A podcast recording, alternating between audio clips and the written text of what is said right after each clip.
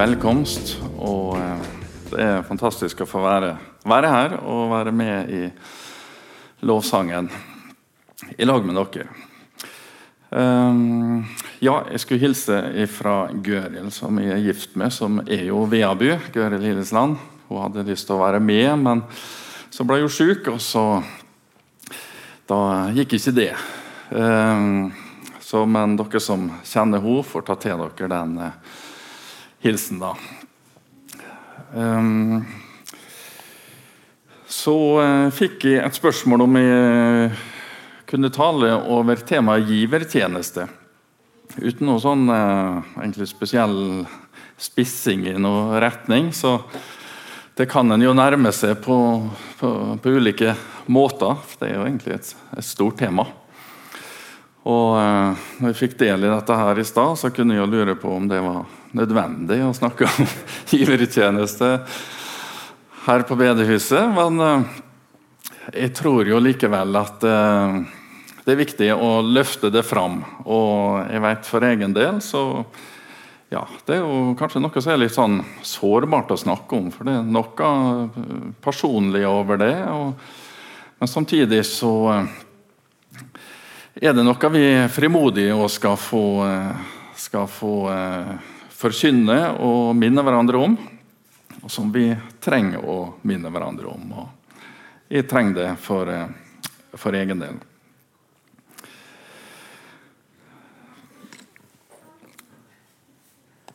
Så jeg har jeg noe tekst som sikkert kommer på veggen etter hvert. Hvis jeg har gjort riktig. Nei, riktig. Nei, det var ikke godt å bli litt sånn nervøs for hva dere så bakpå her. Men uh, Ja Kanskje det er en ekspert som kan hjelpe meg, da. Hvis ikke, så tar vi det uten.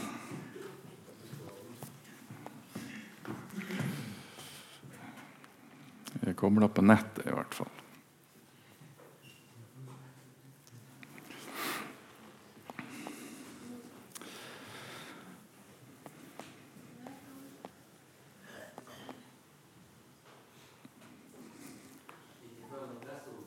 Jeg. Nei, Jeg var jo så lur at jeg bare ga presset over til en annen. Så. Men eh, vi kan jo eh, se om det kommer opp. Eh, også dere som har Bibelen med dere, kan jo gjerne slå opp 2. Korinterbrev, kapittel 8. For det er der vi skal dele noen eh, vers i lag.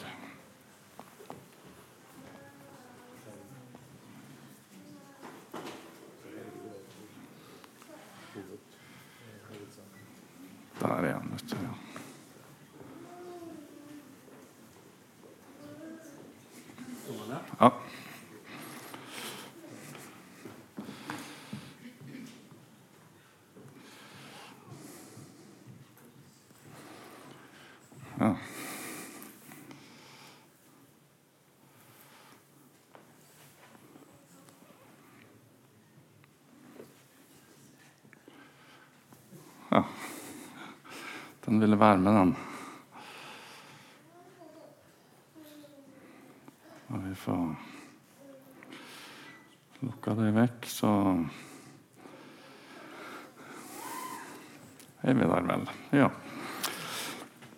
Paulus han eh, inviterer gjerne utfordrer de kristne i Korint til å bli med i det vi, vi må kunne kalle for en givertjeneste som gikk ut på at sammen med andre menigheter blant hedningekristne så skulle de få være med og gi bidrag til de fattige kristne i Jerusalem. Han vil oppmuntre dem til å gi ved at han viser til givergleden blant de kristne i Makedonia. Brødre, nå vil vi fortelle dere om den nåde Gud har gitt menighetene i Makedonia. De har vært hardt prøvd i trengsler, men likevel er det av deres overveldende glede og deres dype fattigdom strømmet fram en rikdom på oppriktig godhet. For de ga etter evne, det kan jeg bevitne, ja, over evne av egen drift. De ba oss inntrengende om den nåde å få være med i fellesskapet for de hellige. Og de ga ikke bare slik vi hadde håpet, men de ga seg selv. Først til Herren, og så til oss. Ved Guds vilje. Så ba vi Titus om å fullføre den gaven som han før hadde begynt å samle inn hos dere. Dere har jo overflod på alt. På tro, på ord, på kunnskap, på iver og på kjærlighet mellom dere og oss.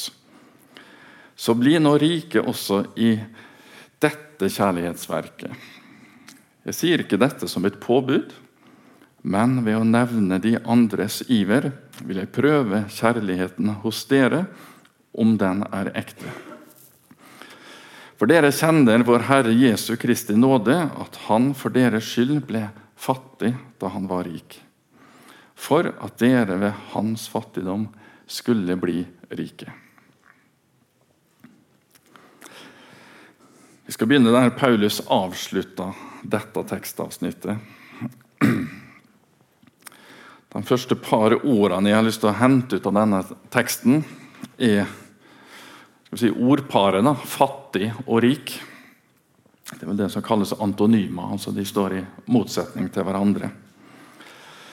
Når Paulus både forteller om eh, hvor ivrige de kristne i Makedonia er til å gi, og samtidig vil oppmuntre de kristne i Korint til en lignende iver, så setter han det hele inn i den ramma eller sammenhengen som dreier seg om Jesu Kristi nåde.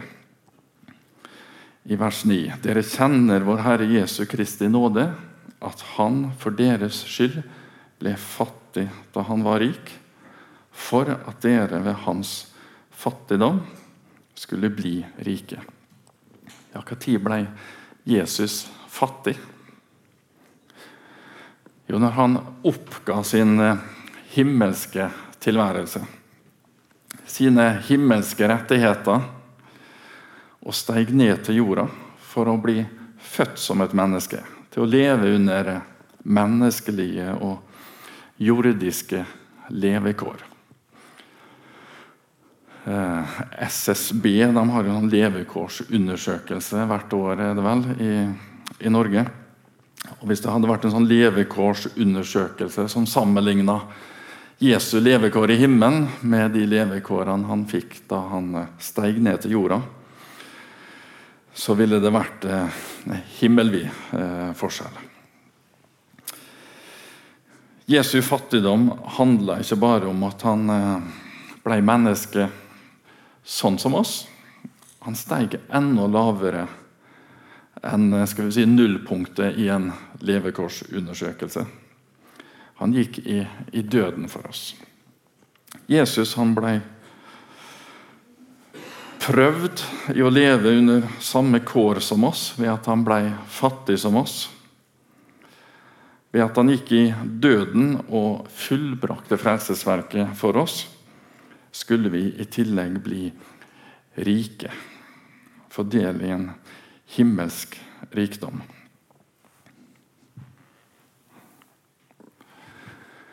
Skal ta med noen andre bibelvers på veien. Det blir en del bibelvers i dag. Romerne 5,8.: Men Gud viser sin kjærlighet til oss ved at Kristus døde for oss mens vi ennå var syndere. Dette er givertjeneste.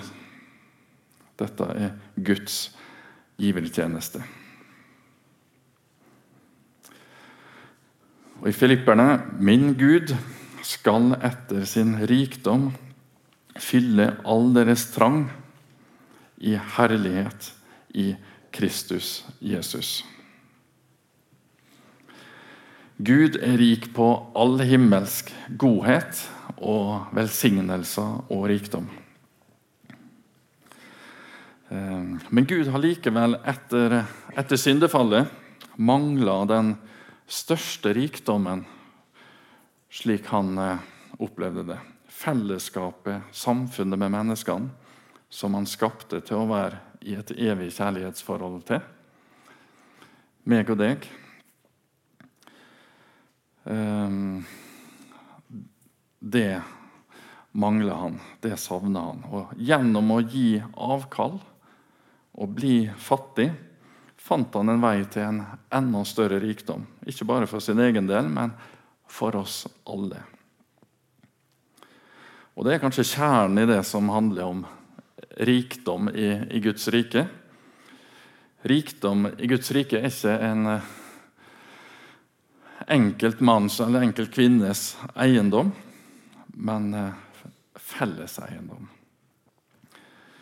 Og Det er noe av det som er ekstra rikt å ved det. I Guds rike er det selve rikdommens karakter at den er felles. Så aner nok vi bare litt av hva rikdommen i Kristus betyr og innebærer for oss. Det dreier seg om velsignelser, godhet og gaver som vi skal få del i her på jorda. Men i enda større grad så handler det om rikdom som vi òg har i vente, og som vi skal få del i når vi en dag ser han eh, som han er.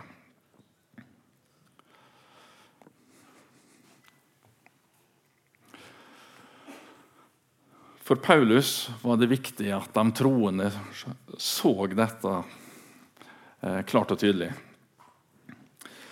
Til feserne så, så, skrev han at eh, jeg ber om at vår Herre Jesu Kristi Gud, herlighetens Far, må gi dere visdoms- og åpenbaringsånd til kunnskap om seg og gi deres hjerte opplyste øyne, så dere kan forstå hvilket håp Han har kalt dere til hvor rik på herlighet hans arv er blant de hellige. Paulus poengterte i flere av sine brev hvor rik de troende har blitt gjennom det de har fått gjennom Jesus Kristus. Samtidig holder han oppe at gjennom vår tjeneste for Gud her på jorda så kan det gjøre oss tilgjengelig for rikdom og velsignelser i det daglige. Vi kan velge et rikere liv for oss. Og Her er det at veien til, til rikdom, på samme måte som den for Gud gikk gjennom å bli fattig, gjennom å gi avkall på noe, også for menneskene går gjennom å gi avkall på noe. Ved å gi videre gjennom å dele med andre. Men har vi ved Guds ånd fått opplyste øyne, så vi ser rikdommen vi har i Kristus, og får gjennom å gi, så veier den forståelsen opp for å kanskje i noen tilfeller fjerne helt opplevelsen av å ha eh, tapt noe. Til daglig så er vi jo i behov for eh, si, det vi gjerne kaller for jordiske ressurser, som ja, mat, klær, eh, hus, bygninger, transportmidler i dag, og medisiner, kunnskap, byggematerialer, verktøy, strøm, energi til oppvarming og, og produksjon. Og, og penger, betalingsmidler. Vi kunne nevnt mye mer konkret. ikke sant? Alt dette har vi i varierende grad tilgang til. Noen har mye, andre har mindre eller lite. Noen hadde kanskje mye, men mista alt av en eller annen grunn. Selv om vi har ulikt, så har vi alle begrensa. Alt er verdier som er begrensa.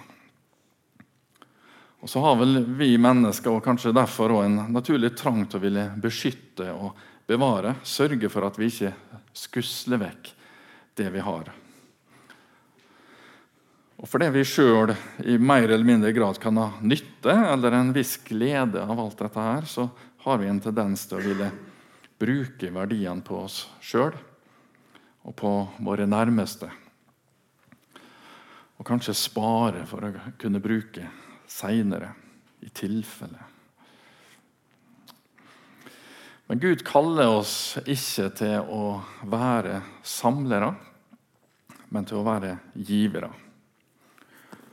Og Det er ikke fordi at Gud vil eh, være kjip med oss, men fordi han har bedre tanker for oss. Han vil bygge sitt rike, og vi som vil være med å bygge hans rike, skal få høste av hans rikdom.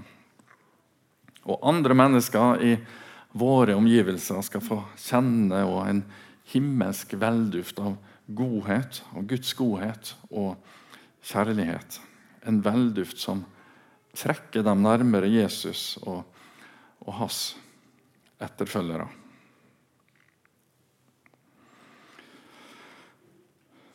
Når Paulus til de kristne i Korint forteller om de kristne i Makedonia, så hadde de ikke så mye av de jordiske nødvendighetene. Som vi leste i vers 2, av deres dype fattigdom strømmet fram en rikdom på oppriktig godhet. Og Videre så leste vi at de ga etter evne, ja, over evne, av egen drift. De ba oss inntrengende om det nåde for å være med i fellesskapet i tjenesten for de hellige. Og de ga ikke bare slik vi hadde håpet, men de ga seg selv, først til Herren og så til oss. Nøkkelen til en sånn uh, iver etter å gi handler om å gi seg sjøl. Først til Herren. gjør vi det? Gir vi oss over til Gud og lar Han få gjøre sin gjerning i oss og gjennom oss? Jeg trenger å stille meg det spørsmålet sjøl.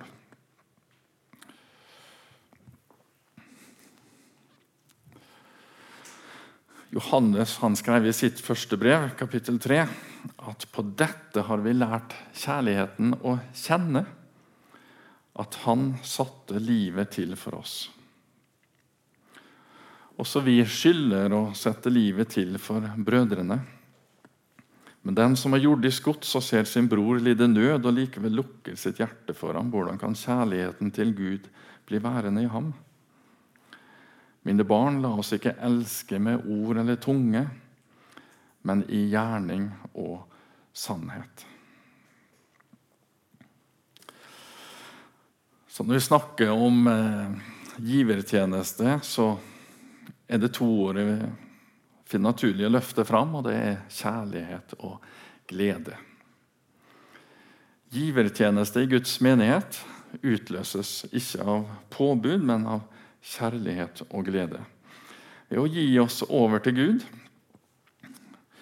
gjennom alle livets dager og i alle livets situasjoner, så får vi erfare den kjærligheten som skal få være utgangspunktet og retningsgivende for også vår givertjeneste.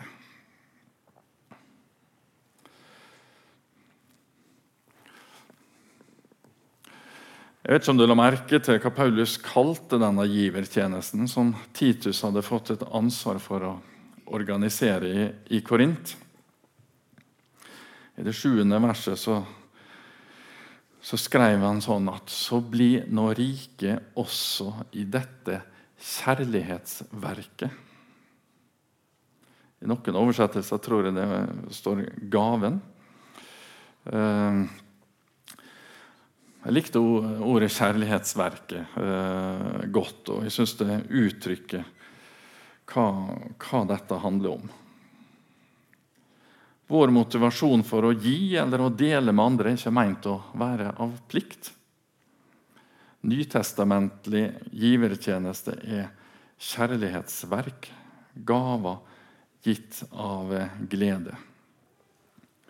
Og Som vi leste i det andre verset, de har vært hardt prøvd i trengsler, men likevel er det av deres overveldende glede og deres dype fattigdom strømmet fram en rikdom på oppriktig godhet.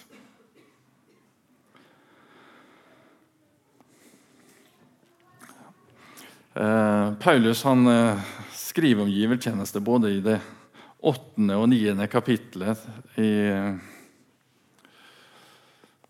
i andre Korinterbrev. Her har vi skrevet første, men det er vel andre. Eh, og vi skal ta med noen vers fra det niende kapittelet. Fra verset seks og utover. Håper dere ja, litt ulikt. Noen liker at det er mye i bibelvers, andre ikke. Men vi, vi, eh, det er det som er kilden vår, og vi tar med en del også i dag. Men dette sier jeg. Den som sår sparsomt, skal også høste sparsomt. Og den som sår rikelig, skal høste med rik velsignelse. Enhver må gi slik som han setter seg fore i sitt hjerte, ikke med ulyst eller av tvang. For Gud elsker en glad giver. Og Gud er mektig til å gi dere all nåde i rikelig mål, for at dere alltid og i alle ting kan ha alt det dere trenger til, og ha overflod til all god gjerning. Som skrevet er, han strødde ut, han ga til de fattige. Hans rettferdighet blir til evig tid. Og han som gir såmannen såkorn og brød å ete, han skal også gi dere såkorn, og la det mangedoble seg. Og gi vekst til fruktene av deres rettferdighet. Og så skal dere bli rike på alle ting til oppriktig godhet som ved oss virker takksigelse til Gud. For den hjelp som dere gir ved denne tjenesten, skal ikke bare fylle mangelen hos de hellige, men også skape overflod ved manges takksigelser til Gud. Denne giver, givertjenesten er en prøve på ektheten hos dere, og de vil prise Gud for deres lydighet til å bekjenne Kristi evangelium, og for den oppriktige godhet dere viser i samfunnet med dem og med alle. De vil be for dere og lengte etter dere på grunn av den rike nåde fra Gud som er over dere. Gud være takk for sin usigelige gave. Jeg skal ikke bruke mye tid på de versene. De, jeg håper du fikk de med deg, og at eh, de kan få tale mye for seg sjøl. Men jeg skal dra ut noen eh, det som jeg opplever som noen hovedpunkter i de siste versene her. Og Det er at det vil alltid være en sammenheng mellom hva du sår, eller hvor mye du sår, og hva du høster, eller hvor mye du høster. Det er sikkert flere her som liker å, å, å så og se at det spirer, enten det er urter, eller tomatplanter eller agurk. Gøril hun er veldig ivrig på dette. Og eh, det er hun som kan det hjemme hos oss, men jeg har i hvert fall eh, skjønt det, at det, det skjer ikke mye så, så lenge frøene blir værende i, i frøposen. Eh, det hjelper ikke å samle på frøposer. De må ned i jorda og få spire og få næring. Det er en sammenheng mellom hva som sås, og hva som høstes. Og Det andre handler om å følge hjertet som vi òg hørte her. Enhver må gi slik som han setter seg fore i sitt hjerte, ikke med lyst eller tvang. Følg hjertet, men vær obs på hvor din skatt er, for der vil òg hjertet være. kan vi lese om i Matteus. Så legg det fram for, eh, for Gud i bønn. Og sammen med Gud lytt til hva han har, og hva han minner deg om. Og, eh, og følg det hjertet som Gud har fått virke med. Gud han vil gi deg alt du trenger, og samtidig skal du ha overflod til å gjøre godt for andre. leste vi jo her i det åttende verset. Vi skal ikke mangle noe. Vi skal ha overflod også til å gjøre godt for andre. Og så er det Gud som gir vekst til fruktene av vår tjeneste. Vi skal slippe å ta ansvaret for veksten. Den tar, tar Gud seg av.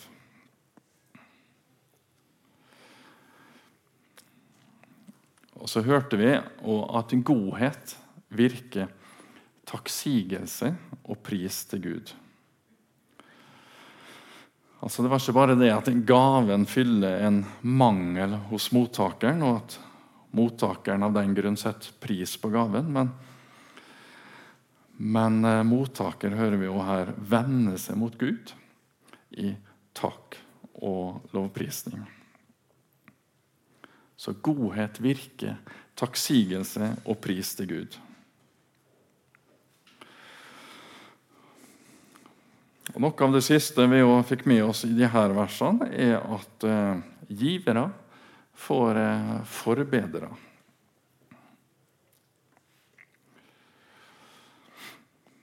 De vil be for dere og lengte etter dere. Givere får forbedre, og givertjenesten gjør noe med fellesskapet mellom de kristne. De lengter etter hverandre. Givertjeneste kan bidra til å styrke fellesskapet mellom de kristne.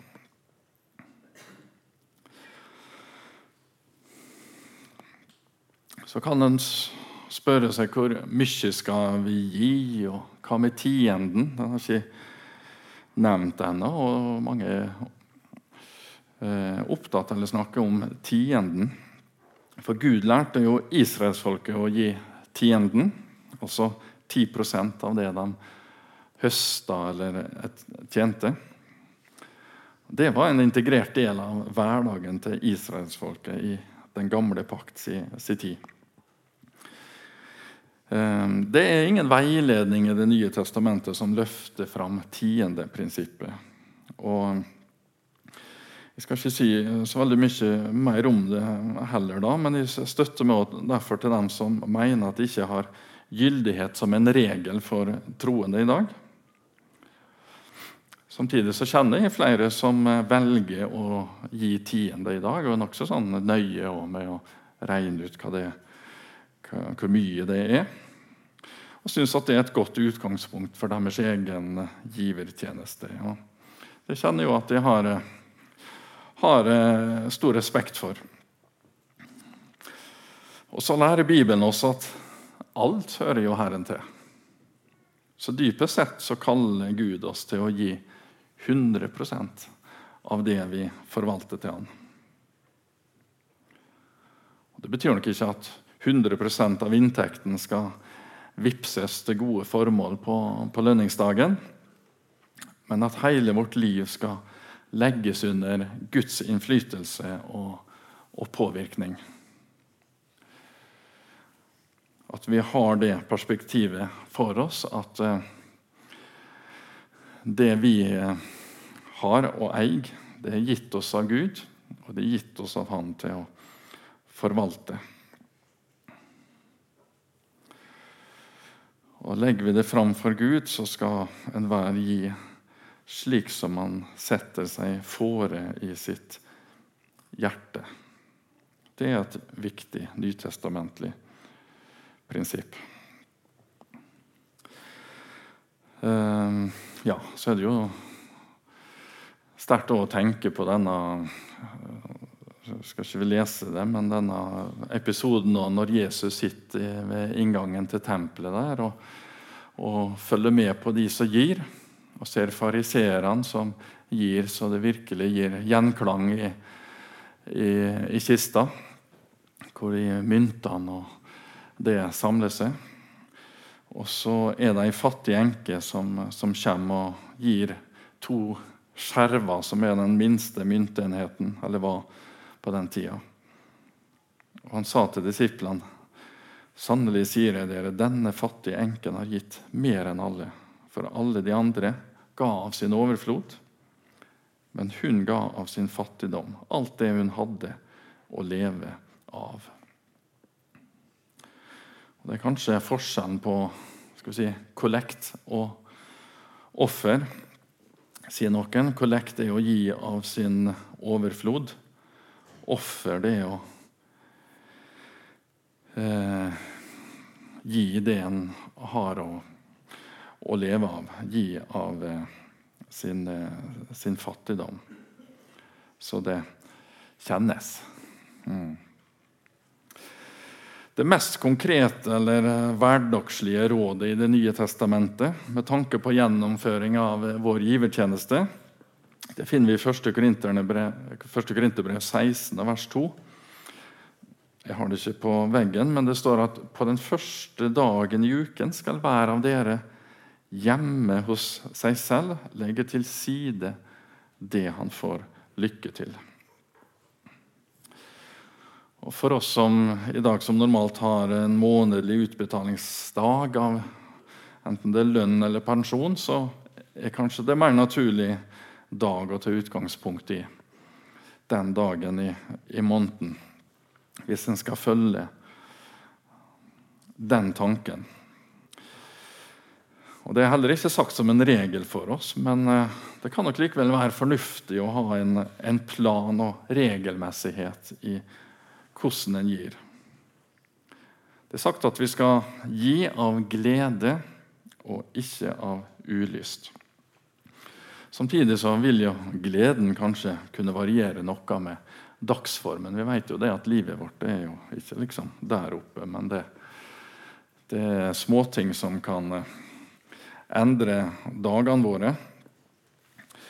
Eh, og eh, samtidig ja, så, så sier gleden vil variere, så tror jeg ikke det er feil å legge seg til gode givervaner som ikke behøver å svinge med, med dagsformen. Så det å gjerne knytte seg opp imot en fast givertjeneste, tegne en avtalegiro gjerne, kan være en god måte å, å, gjennomføre givertjeneste på. Nå er det jo lett for at vi snakker om det å gi penger når vi snakker om givertjeneste. Men klart, det å, å gi handler om å gi av sin tid og sine nådegaver, ressurser, og bruke dem slik som um, Gud ønsker, og slik han utruster oss til å bruke våre evner. Så det å gi kan jo handle om å være en besøksvenn og kanskje regelmessig besøke noen som er ensomme, eller, eller på annen måte være en del av en tjeneste. Så i vi-forstand kan vi jo trekke inn det når vi snakker om givertjeneste, selv om vi vanligvis snakker om det å samle inn eh, fordi at en trenger noe materielt. En trenger goder. Enten at det er enkeltpersoner, eller at det er organisasjoner som eh, gjør en jobb blant trengende eller forsamlinger, sånn som her på, på Vea. Så det er ikke nødvendigvis sånn at en skal måle sin egen gledestemperatur før hver gave en gir. Men hvis en kjenner likevel at en gir av ulyst, enten det er av penger eller av tid, så skal en kanskje heller stoppe opp og ta en pause. Legge sin givertjeneste på nytt framfor Gud i bønn. Gjerne sammen med sin nærmeste. og kanskje justere hva han gir, etter en oppdatering på hva er det jeg setter med fåre i mitt hjerte? Hva får jeg glede til å gi fra, fra nå av? Og det kan dreie seg om både om hvor mye og til hvem. Og jeg vet jo det at i, i kristen sammenheng så, så, er det mange som inviterer til å gi. og Jeg har jo invitert til å gi til IMF i dag, og så har dere givertjeneste her på huset. og så er det andre foreninger som, eller organisasjoner som er på besøk, og så er det TV-aksjoner, og så er det en, kanskje en nabo som hadde trengt litt ekstra en gang. Sånn at det har noe med å ha respekt for at det er ulike ting som en må gjøre noen valg i forhold til. Så jeg vil bare runde av med å oppfordre til å tenke igjennom. For det første, Hvem trives du best sammen med? Er det samleren eller giveren? Og Hvor er du sjøl på den skalaen? Er, det, er, du en samler eller en giver? Jeg tror vi kan trenge å spørre oss om det av og til. Og du som gir, er, er givertjenesten din eh, Er han på sparebluss, eller er han der som du vil han skal være? Hva er motivasjonen for din givertjeneste? Trenger du å finne eller gjenoppdage gleden ved å gi? Trenger du å få mer orden på, på givertjenesten din? Se i alle fall stort på det å gi. Din givertjeneste vil også kunne lede noen til Gud. Og himmelske Far, jeg takker deg for det at eh, du valgte å gi avkall på, på de himmelske rikdommene og sende din sønn til jorda slik at vi skulle få bli rike. Og fyll oss med denne rikdommen på en sånn måte at vi kanskje lar være å dele med andre hva vi har eh, sett og hørt, hva vi har fått del i. Og la andres nød også få gjøre noe med hva vi disponerer, hva vi forvalter. Fornye givertjenesten i oss, himmelske Far sånn at vi gir etter eh, ditt hjerte. I Jesu navn. Amen.